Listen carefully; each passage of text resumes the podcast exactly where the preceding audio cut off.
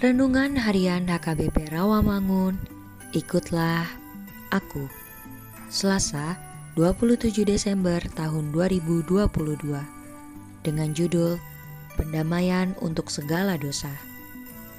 Bacaan pagi kita pada hari ini diambil dari Yohanes 12 ayat 44 sampai 50. Bacaan malam kita pada hari ini diambil dari Mazmur 33 ayat 1 sampai 2 dan kebenaran firman Tuhan pada hari ini diambil dari 1 Yohanes 2 ayat 2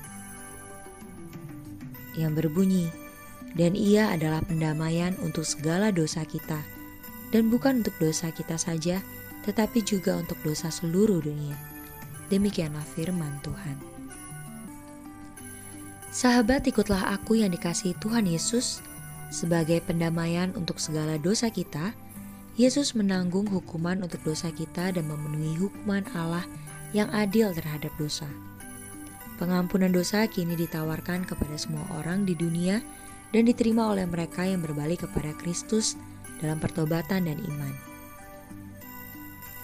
Tujuan agung dari semua agama adalah persekutuan dengan Allah, mengenalnya sebagai sahabat, dan memasuki kehadiratnya dengan gembira dan bukan dengan ketakutan. Karena hal itu berarti bahwa masalah utama agama adalah dosa.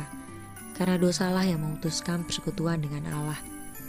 Justru untuk menemui masalah itulah maka timbullah korban.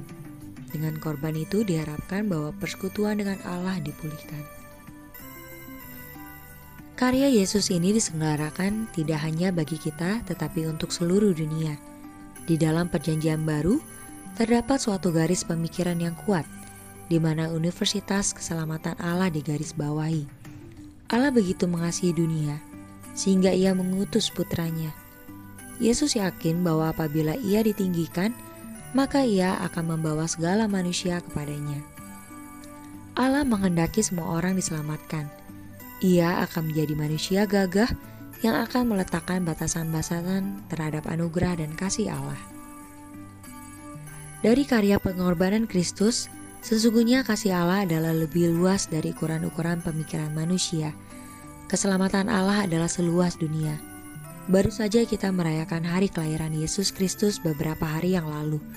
Biarlah hati kita selalu dan tetap dikuasai oleh damai sejahtera yang dari Tuhan Yesus. Amin. Marilah kita berdoa. Tuhan jadikan kami anak-anakmu yang selalu mencintai kedamaian agar hidup kami dapat menjadi saluran damai dan saluran berkat bagi banyak orang. Amin.